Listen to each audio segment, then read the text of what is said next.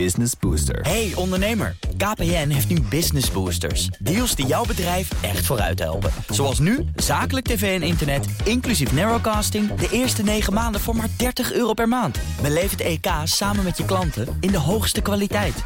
Kijk op kpn.com slash businessbooster. Business Booster. Misdaadverslaggever Peter R. de Vries is neergeschoten en ligt zwaar gewond in het ziekenhuis.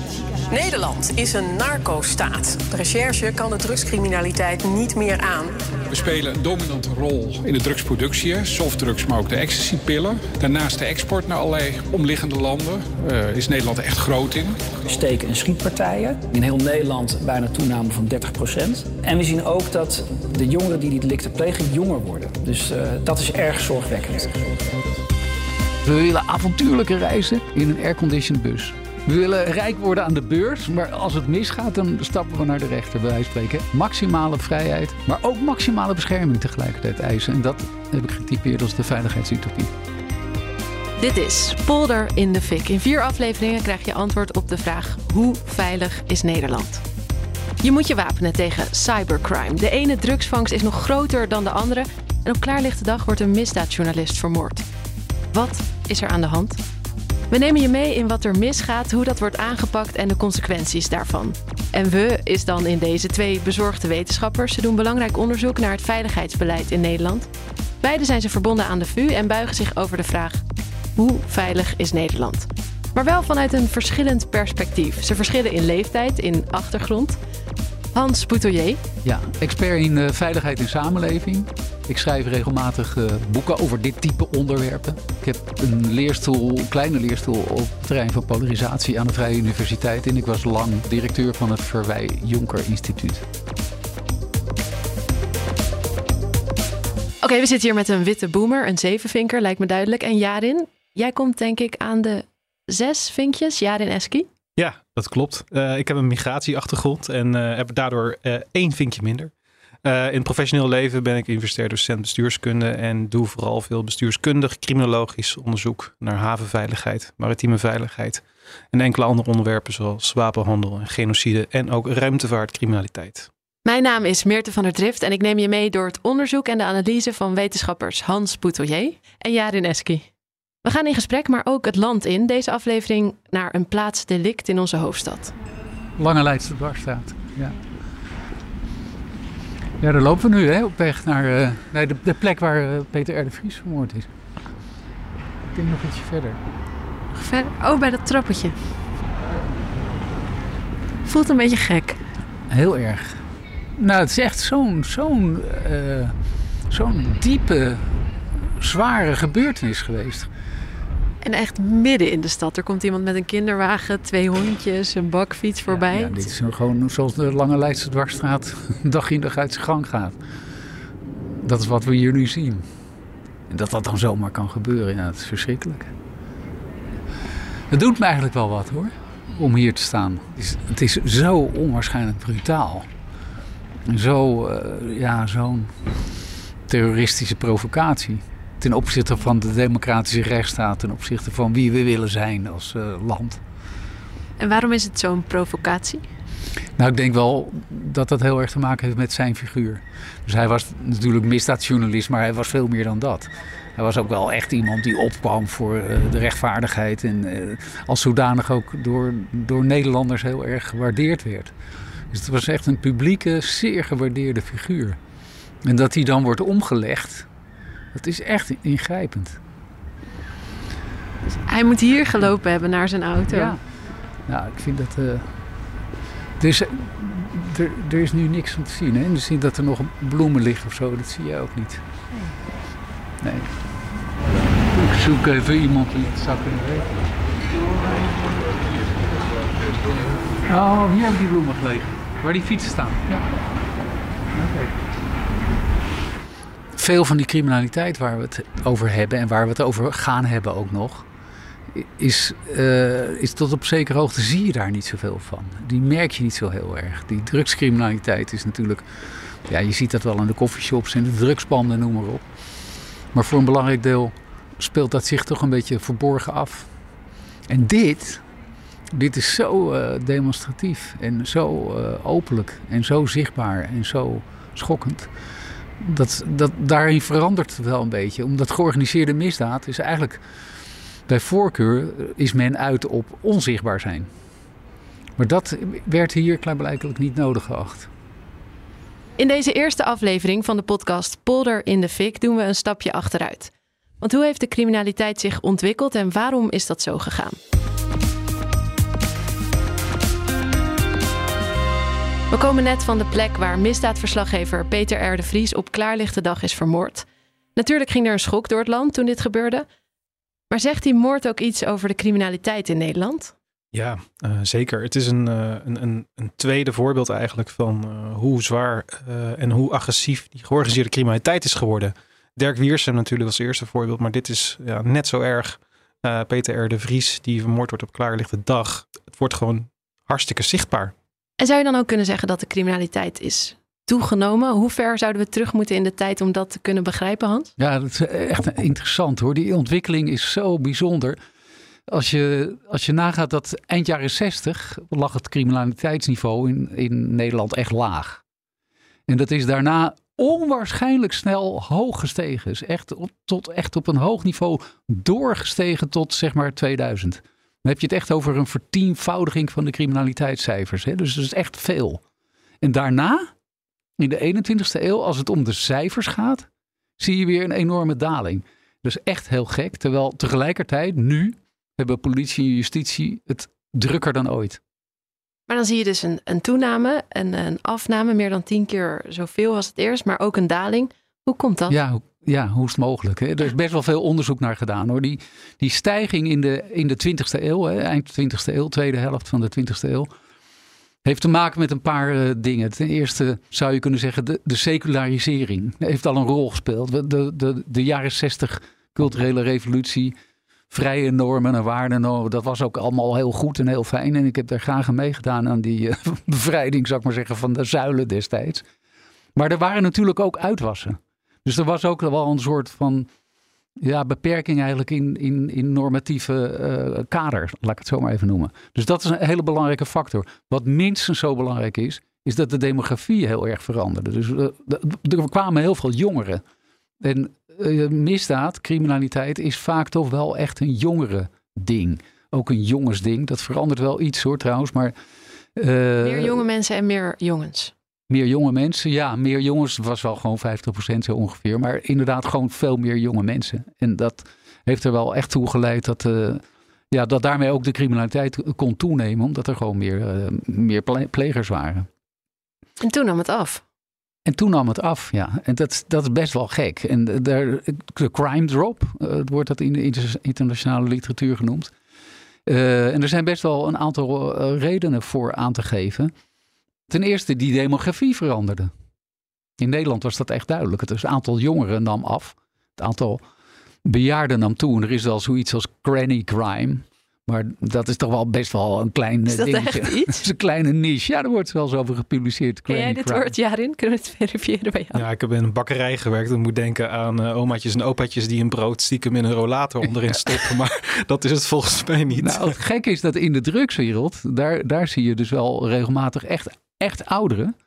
Die, die een rol spelen daarin. Maar goed, dat is klein. Het is klein. Het is, dus die demografische verandering, dat speelde echt een grote rol in de afname. Ik denk dat toch de belangrijkste factor is geweest dat in de loop van die 20e eeuw werd in toenemende mate werden er maatregelen genomen, zowel in repressieve zin, maar vooral in preventieve zin. Je kan je dat nu soms niet meer voorstellen, maar in de jaren 80, 90 lagen de tramhokjes, bushokjes na een weekend lagen regelmatig uh, in duigen. Werd gewoon altijd kapot gemaakt? Werd kapot gemaakt, ja. Vandalisme was echt wel een heel groot ding toen. Nou, je moet nu verdomd goede huizen komen. Wil je zo'n abri in elkaar kunnen, kunnen slaan? Dat is gewoon zo. Maar er zijn veel meer voorbeelden. Gemeenten kregen grote afdelingen openbare orde en veiligheid. Er kwamen stewards in een voetbalstadion. Er komen beveiligers bij uh, openbare gebouwen. Er zijn veel meer particuliere beveiligers in het algemeen. De BOA's zijn ontstaan. Uh, elk, elke organisatie wordt geacht veiligheidsbeleid te hebben. Als je bijvoorbeeld in het onderwijs of in de ziekenhuizen, die hebben allemaal veiligheidsbeleid. Dus geleidelijk aan werd die samenleving werd steeds meer ingericht. Hang- en sluitwerk, niet te vergeten. Steeds meer ingericht op de mogelijkheid dat er criminaliteit en uh, misdaad zou kunnen plaatsvinden. En vandaag zie je dat dus heel duidelijk met pasjes om naar binnen te komen, beveiligers, boa's en hufterproof straatmeubilair. Absoluut. Dat, dus dat, en het gekke is dat je realiseer je eigenlijk niet zo heel erg. Maar als je even terugdenkt, en ik ben van de leeftijd dat ik echt daadwerkelijk terug kan denken, dan is dat zo veranderd. Is die samenleving echt zo ingesteld geraakt op de mogelijkheid van crimineel, normoverschrijdend gedrag. Dat, dat, dat je toch wel kan zeggen dat dat een soort succes is geweest. Je zou, je zou kunnen zeggen, Nederland is toen een beetje strak getrokken. Dat wil niet zeggen dat de problemen over zijn. Er zijn andere veiligheidsvraagstukken voor in de plaats gekomen. Ik denk als je dit zegt ook meteen aan de toeslagenaffaire. En dat je dus ervan uitgaat dat iets kapot gemaakt kan worden. Of dat iemand verkeerde intenties heeft. Of nou, dat, daar, daar, dat vind ik een hele interessante opmerking. Ik denk namelijk inderdaad wel, en Jarin weet daar ongetwijfeld ook heel veel van. Dat de samenleving door zich zo in te stellen op die veiligheid. Ik heb dat destijds genoemd een veiligheidsutopie. We streven naar een veiligheidsutopie en daar richten we de samenleving op in. Daardoor is die samenleving ook wel steeds meer uh, in het teken van het wantrouwen komen te staan. Ja, dat... De angst voor fraude en inderdaad de toeslagenaffaire is daar een direct gevolg van. Niet echt uh, een goed gevoel krijg ik hier van uh, Hans, die ontwikkeling. nee. ik denk, nou kijk, dat is wel een goede opmerking van je ik denk wel dat we aan de vooravond staan van wel weer een, een ander soort omslag. Je ziet wel dat die, die wantrouwende samenleving, die wantrouwende overheid, die begint wel een beetje te piepen en te kraken. Uh, dus we hebben allerlei problemen. En nou ja, goed, daar, gaan we het nog uh, in een aantal afleveringen over hebben. Maar van belang dus een stijging gedurende enkele decennia en een fikse daling. Dus de kans om nu slachtoffer te worden van criminaliteit traditionele criminaliteit, zeg ik nu eventjes. Ja, wat is dat? Nou, dat zijn echte dingen die burgers raken. Er wordt in de criminologie gesproken van high impact crime. Hè? Dus die hebben een grote impact op mensen, slachtoffers. En dat kan inbraak zijn, dat kan autodiefstal zijn, dat kan diefstal zijn, dat kan, kan op alle mogelijke manieren dingen die mensen raken. De kans om slachtoffer te worden van zo'n type delict is nu 45% lager dan in het jaar 2000. Dus je kan je eigenlijk een stuk veiliger voelen in Nederland, behalve dat de politie het drukker heeft dan ooit. Dat is exact de goede samenvatting. Je kan je eigenlijk best wel veilig voelen als een doorsnee burger. Maar tegelijkertijd zijn er zulke ingewikkelde nieuwe uh, veiligheidsvraagstukken voor in de plaats gekomen. Dat politie en justitie drukker dan ooit hebben.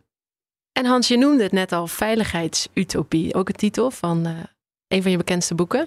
Wat is dat? Nou, veiligheidsutopie, wat ik daarmee bedoelde, is dat we een samenleving hebben waarin we eigenlijk maximaal uh, willen leven, vitaal leven, uitbundig leven. Het past ook heel erg bij de neoliberale ontwikkelingen. En alle, niks is te gek en alles moet kunnen, noem maar op. Als we tegelijkertijd maar veilig zijn.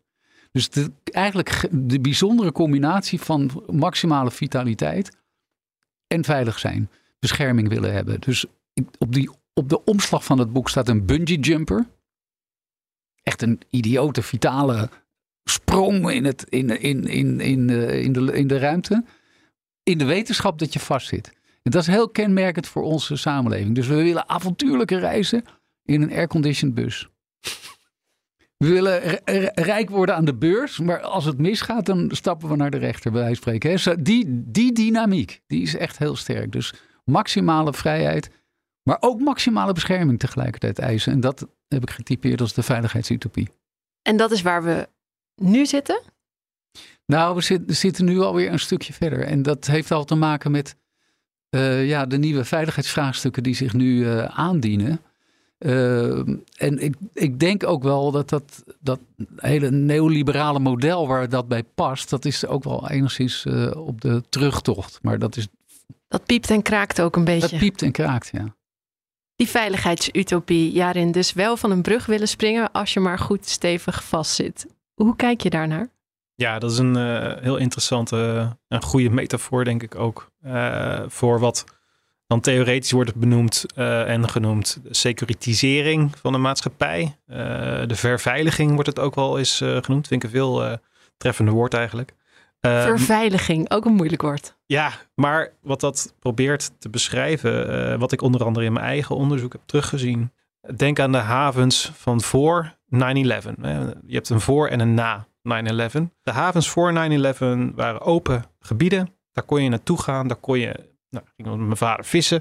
Vandaag de dag, en dat is door 9-11, is dat een geheel, bijna geheel afgesloten terrein. Maar dat snap ik niet. 9-11 denk ik aan vliegvelden de toename van beveiliging daarin. Maar dat geldt dus ook voor de haven. Ja, dat is het meest frappante eigenlijk. Uh, in de International Ship and Port Facility Security Code, de ISPS-code, staat in de preambule, uh, het voorwoord als het ware, uh, naar aanleiding van 9-11 hebben wij deze wetgeving uh, opgezet. En die... een direct verband tussen ja. die gebeurtenis en nieuwe wetgeving. Ja, direct. Het is een klassiek uh, post 9-11 wetgevingsstuk eigenlijk, zoals je dat kan noemen. Dat heeft ervoor gezorgd dat wereldwijd er overal camera's in havens moesten komen. Hekken, toegangspoortjes, beveiligingskaders van, van zo'n heel, heel, heel terrein.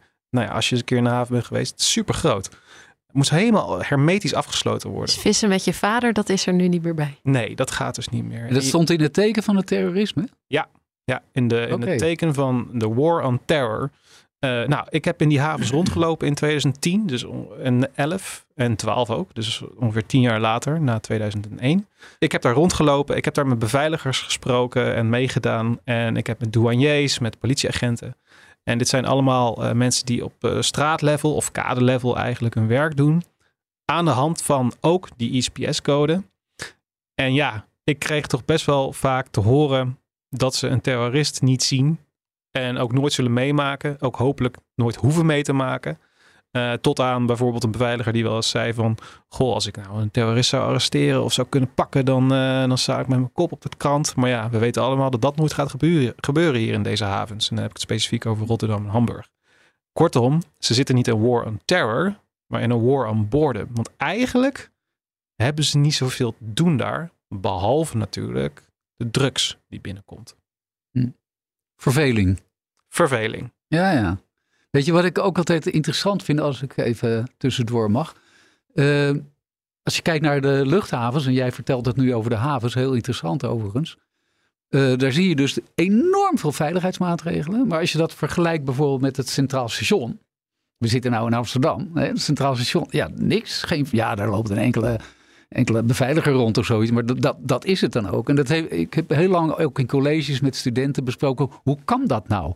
Waarom Schiphol zo enorm beveiligd en, en, sta, het station niet? En het komt er eigenlijk op neer dat dat praktisch gesproken een onhaalbare kaart is. Om, te moeilijk om het, het centraal station moeilijk. zo te beveiligen. En daar, en daar, zie ja, zo is het precies. En daar zie je eigenlijk aan hoe willekeurig het soms is. Hoe die maatregelen genomen worden. Dus daar waar dat kan. Nou, dat geldt tot op zekere hoogte voor de havens ook. Daar wordt dat dan gedaan. Maar waar dat niet kan, ja, dan maar niet of zo. Dus dat wordt, klaarblijkelijk wordt daar dat risico dan wel genomen. En het is best wel, best wel gek eigenlijk. Hè? Dat je toch, het geeft aan dat er een grote willekeur ook wel zit in het type, type maatregelen. Als ik nog even een klein internationaal uitstapje mag doen. Ik heb uh, een tijd lang in Liverpool gewerkt en uh, daar aan de universiteit. En ik had dan eens een keer een, een, gastdocent. Uh, die werkte daar in de lokale gevangenis. En toen hadden we het over vliegveldbeveiliging, luchthavenbeveiliging en gevangenisbeveiliging. En dat er in op luchthavens eigenlijk veel meer geld wordt geïnvesteerd in beveiliging vergeleken met gevangenissen. Waar het daar althans best wel allemaal roestig was en oud was. En hmm. nou ja, op uh, luchthavens zijn uh, de meest chique, moderne technologieën ja. uh, worden. Ja. Dus je ziet ook dat beveiliging of verveiliging een, een, een prioriteit van overheden laat zien. Van goh, daar gaan wij inderdaad beveiligen. Maar daar en dus ook minder. een willekeur. Ja. ja, willekeur. En een praktische haalbaarheid. Praktische haalbaarheid. En, en tegelijkertijd denk ik ook wel dat Schiphol, het is een soort theater. Al dat gedoe en dat afstemmen. En ik heb ook wel eens een keer gehad, toen was ik zo boos werd ik. Omdat de, een nieuw flesje contactlenzenvloeistof van mijn dochter moest worden ingeleverd. Was nog helemaal dicht. Toen werd ik zo boos. Ja, dat was natuurlijk idioot. Dat moet je helemaal niet doen. En toen zag ik ook dat opschaalniveau. Hè, dus tot op twee niveaus werd er opgeschaald, toen ben ik maar gestopt. Want ja, je, dat is natuurlijk idioot. opgeschaald, dat betekent dat er iemand bij kwam om te zeggen: Dag meneer. Uh, er kwam er, ja, inderdaad. Dus toen komt de leidinggevende en komt, daarna kwam de volgende leidinggevende. Toen dacht ik, nou, nu ga ik maar stoppen. dus dat, dat is echt, ik vind dat wel op zich heel interessant natuurlijk, hoe, dat, hoe, hoe, hoe goed dat eigenlijk in elkaar zit. Ja, en uh, als ik boos word op Schiphol met mijn uiterlijk, uh, dan krijg ik helemaal aan de stok. Waardoor ik vrijwel automatisch altijd als, als half Turks, half Nederlandse volwassen man mezelf heel erg altijd goed voorbereid. Riemen uit, alles uit. Echt zo min mogelijk piepjes uh, Zo braaf risico. mogelijk. Zo braaf mogelijk. Waardoor je soms ook zenuwachtig kan worden, wat ook weer gaat opvallen. Uh, dus Ja. ook, uh, ook dat aspect van we gaan speciale, uh, ja, in bijzonder bepaalde populaties extra checken. Ook al wordt gezegd van ja, het is een random control. Dat is niet helemaal zo. En dat wordt ook al duidelijk uit veel onderzoeken dat hè, uh, KMAR en gezichtsherkenning, uh, ja. rechtszaak, nou noem maar op, uh, allemaal recent. Uh, dat is wel ook een, een, realiteit geworden. Onder andere ook door die verveiliging. Uh, waar we vandaag de dag nog steeds mee te maken hebben. Waaronder ook zo'n toeslagenaffaire bijvoorbeeld. Ja. Schiphol is dus een soort veiligheidstheater. Bij veiligheid denk je ook heel snel aan het gevoel van veiligheid. Ja, ja. Ja dat is heel begrijpelijk, omdat veiligheid in positieve zin eigenlijk heel slecht te definiëren is. Ja, Zijn we hier je, veilig? Je kan je veilig voelen zonder veilig te zijn. Je kan je onveilig voelen terwijl je veilig zo, bent. Zo is het precies. Zo is het precies. Dus dat zijn best wel twee verschillende dingen die wel wat met elkaar te maken hebben. Even geen misverstand. Maar er zit wel echt een verschil tussen. En die objectieve veiligheid is heel moeilijk vast te stellen. Want wanneer ben je nou echt veilig? En daarom, hè, dan komt er op Schiphol, dan komt er weer een of andere SBS6-reporter, die komt er doorheen, door die, door die poortjes. En hup, weer een nieuwe, uh, nieuwe maatregel, weet je wel. Dus, dus je, je, ziet gewoon dat er is natuurlijk, er is, het is een onverzadigbaar principe, veiligheid. En dat maakt het eigenlijk heel gek. En inderdaad, dat komt... Dus je kind beschermen met een tracker, zodat je die kan volgen? Bijvoorbeeld, ja. Dus, en dat geldt onverzadigbaar. Voor, onverzadigbaar. Het is een onverzadigbaar begrip. Je kan er eindeloos mee doorgaan. Uh, alles. Uh, inderdaad, die trackers vind ik een heel leuk voorbeeld. Of de, die zachte tegels zonder uh, speelmeubilair en zo. Dus veiligheid is wat dat betreft echt wel een beetje tricky begrip. En inderdaad, omdat die subjectieve kant waar je nu over begint, zo, zo'n grote rol speelt. Ja, niemand wil zich onveilig voelen. En het kan altijd ingebracht worden ook als argument. Ja, maar ik voel me onveilig. Oh, nou dan moeten we ogenblikkelijk aan de slag. Dus dat, het is best wel linker soep. Het is zo'n veiligheidsutopie. Even geen misverstand. Ik ben echt bezorgd over bepaalde ontwikkelingen in de criminaliteit en misdaad enzovoort. Maar je moet er ook mee uitkijken. Het is ook, ook wel echt uh, linker soep. En Jarin wijst eigenlijk ook al op een, ja, op een effect daarvan. Hè? Dus bijvoorbeeld uh, die profiling die kan plaatsvinden op het moment dat het idee bestaat dat sommige bevolkingsgroepen of wat dan ook meer problemen veroorzaken dan anderen. Ja, en omdat jij dat dus ook zelf ervaart, is dat ook een reden waarom je dit onderzoek in bent gegaan? Ja, uh, denk ik. Uh, vroeger was ik me daar niet zo van bewust. Maar ik denk wel dat er een soort van intuïtie of zo, of gevoel was van: goh, uh, waarom ben ik afwijkend? Of, of als dat door heel je omgeving wordt verteld. Misschien chargeer ik nu een beetje. Maar um, ik beg- ja, nu door mijn eigen onderzoek kijk ik er ook wel anders naar. Naar bijvoorbeeld dat etnisch profileren. Of ook politieke retoriek uh, rondom veiligheid en immigratievraagstukken. Uh, daar kijk ik nu wel veel kritischer naar. Um, en ja, ik zie nu bijvoorbeeld zo'n uh, zo, zo'n gang door zo'n zo'n detectiepoortje. zie ik een beetje als een etnografisch momentje. Dat ik denk van, oh, wat gaat er nou weer gebeuren? Maar goed, dat verveiligen. Het is ook niet gek dat dat ook vandaag de dag nog zo sterk aanwezig is. Want er gebeurt ook heel veel aan erge criminaliteit. Misschien nog veel erger uh, dan voorheen. En, en dat is misschien de hele moeilijke balans die we continu moeten maken. Waar gaan we beveiligen? Wordt het te veel? En waar doen we het niet? En zouden we het juist moeten doen? Dat zijn echt hele lastige vraagstukken. Ja, ja ik ben het daar helemaal mee eens. Dus het gaat inderdaad precies om die verhouding tussen uh, echt wel de serieuze problemen die er nu zijn. En dat zijn nieuwe voor een belangrijk deel nieuwe vraagstukken die echt zich hebben uh, ontwikkeld in de 21ste eeuw ten opzichte van die 20ste eeuw. En waar ben je dan, uh, waar ga je er bovenop zitten? Waar probeer je dat echt te bestrijden? En waarin sla je dan door en moet je, je moet daar ook voor uitkijken? En nieuwe vraagstukken, wat zijn dat? Ja, ik, ik denk dat je kan zeggen uh, dat er drie grote nieuwe vraagstukken zijn.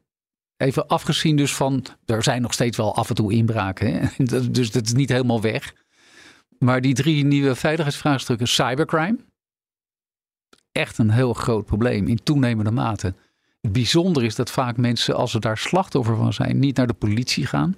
Dus dat zie je dan niet terug in de cijfers. Dat is één. Ten tweede, sociale spanningen, polarisatie tot terreur aan toe. Dat slurpt energie van politie, justitie, allerlei andere handhavingsorganisaties. Maar er zijn eigenlijk best wel weinig slachtoffers. Gelukkig hebben we in Nederland bijvoorbeeld heel weinig slachtoffers van terreurdaden. en waar gaat die energie dan naartoe van de politie? Om het te voorkomen. Of om uh, uh, inlichtingen bijvoorbeeld. Of uh, volgen van ontwikkelingen. Dat is, dat is heel arbeidsintensief. Of andere trouwens, bewaken, beveiligen. Dus er, wordt, er gaat ontzettend veel capaciteit op het moment. Gaat er in bewaken, beveiligen van mensen zitten. Vanwege die sociale spanningen tot terreur aan toe. En het derde is wat uh, tegenwoordig dan vaak ondermijnende criminaliteit wordt genoemd. Je zou dat ook meer precies kunnen zeggen drugscriminaliteit. Uh, onder ondermijning zou ik eigenlijk willen zeggen, is, is een wat breder begrip voor al dit type ontwikkelingen. Waarbij niet zozeer sprake is van high impact crime, grote impact op de burger. Maar van hidden impact crime, je ziet het eigenlijk niet zo goed. Maar het heeft wel een enorm effect op de samenleving, op het systeem. Bijvoorbeeld witwasoperaties. Uh, Voel je niet als burger? Nee, als burger heb je daar eigenlijk niet zoveel last van. Maar het is toch wel gek als er opeens acht kappers in een straat zitten. Hè, Nutella winkels. Wat hebben we nog ja, meer? nou, recreatieparken. Daar gebeurt, op sommige recreatieparken gebeurt van alles wat, wat niet, niet deugt. Maar zelfs de handel, het verkopen van uh, recreatiewoningen en van parken, dat, daar zit vaak uh, grote witwasconstructie zit er daarachter. En waarom is dat dan juist op die recreatieparken? Omdat het dan makkelijker is dan in een, een huis. Je moet dit echt zien, die criminaliteit volgt uh, de makkelijkste weg. Daar waar de openingen zich voordoen, waar de geulen zijn, daar gaat dat criminele gewin, zoekt daar ze weg. Dat is echt zo. En dan is het denk ik ook heel rationeel om in de aanpak daarvan, maar daar komen we nog wel eens over te spreken, ook te kijken hoe kan je dat criminele gewin, hoe kan je daarin uh, proberen te interveneren. Dus die drie dingen. Cybercrime, sociale spanningen tot terreur aan toe. En die drugscriminaliteit, dat zijn wel echt de grote, grote veiligheidsvraagstukken van deze tijd. Die maken minder slachtoffers, maar zijn eigenlijk ingewikkelder voor, uh, voor de handhavingsorganisaties. En misschien wel desastreuzer voor de samenleving als systeem. Drie punten, drie vraagstukken. Jarin, kijk je daar ook zo naar? Ja, ik, uh, ik kan me daar goed in vinden. Goed, dat woord ondermijning. Uh, daar ja, het is gevallen, het woord. Ja, daar heb ik een beetje moeite mee. Uh, het, het, is zo groot, zo breed tegelijkertijd. Uh, Hans uh, heeft het ook al eerder ondermijnisering genoemd. als een soort van vorm op securitisering. Maar ja, wat ik al eerder zei. Het gaat erom dat je balanceert. Van waar moet je ondermijnende criminaliteit inderdaad echt serieus nemen? En waar schiet je te ver door in alles maar ondermijning te benoemen? En dat is een balans dat is een continue afweging en die houdt niet op. Maar dat woord ondermijning vind ik nog steeds een heel abstract woord. Dat is het ook. En het gekke aan het woord is, ondermijning slaat op uh, het ondermijnen van de staat of van een staat. Uh, spionage is eigenlijk een van de oudste vormen van ondermijning. Gek genoeg, vandaag de dag, als we naar kijken naar spionage, Rusland, Oekraïne, Nederland, de IVD, hebben we het niet over ondermijning. Uh, we hebben het over ondermijning als we het hebben over drugscriminaliteit, over radicalisering. Ga zo maar door. Dus dat woord is ook van betekenis veranderd. Hetzelfde zoals met veiligheid. Ja. Ja, ik ben het daarmee eens. Ik denk dat dat in belangrijke mate ook te maken heeft met het feit dat gezagsdragers, burgemeesters, uh, ministers, weet ik wel, uh, allerlei gezagsdragers, hebben het gevoel dat ze geen zicht en greep meer hebben op de ontwikkelingen.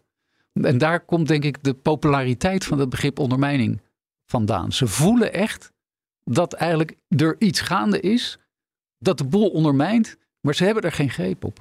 Ik denk dat dat een belangrijke reden is waarom het begrip zo populair is geworden. Maar we hebben gezamenlijk in onderzoek laten zien dat het ook wel heel verwarrend is om in die termen te praten. Want het, het verlamt op een bepaalde manier ook hè, in de praktijk. Maar dat het inderdaad uh, een uiting is van hoe dat, uh, nou, gezagsdragers noem je het, voelen dat de polder een beetje los zand aan het worden is.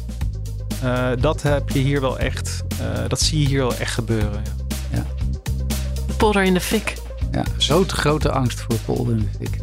In deze aflevering hebben we dus een uh, stapje achteruit gedaan. We hebben gekeken naar waarom we zijn waar we nu zijn. In de volgende aflevering van de podcast Polder in de Fik maak je kennis met Nederland als narcostaat. Ik denk dan aan Mexico-stad, maar misschien wordt het dus Amsterdam. Misschien wordt het Amsterdam, misschien is het Amsterdam al, misschien was het Amsterdam al die tijd al geweest. Dit is uh, een vraag die we verder zullen gaan verkennen uh, in de volgende aflevering. Um, en dat, uh, dat wordt wel een, een, spannende, net zoals de serie Narcos zelf.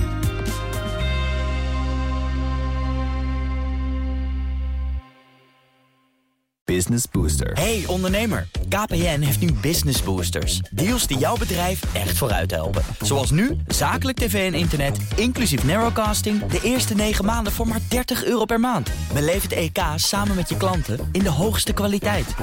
Kijk op kpn.com businessbooster. Business Booster.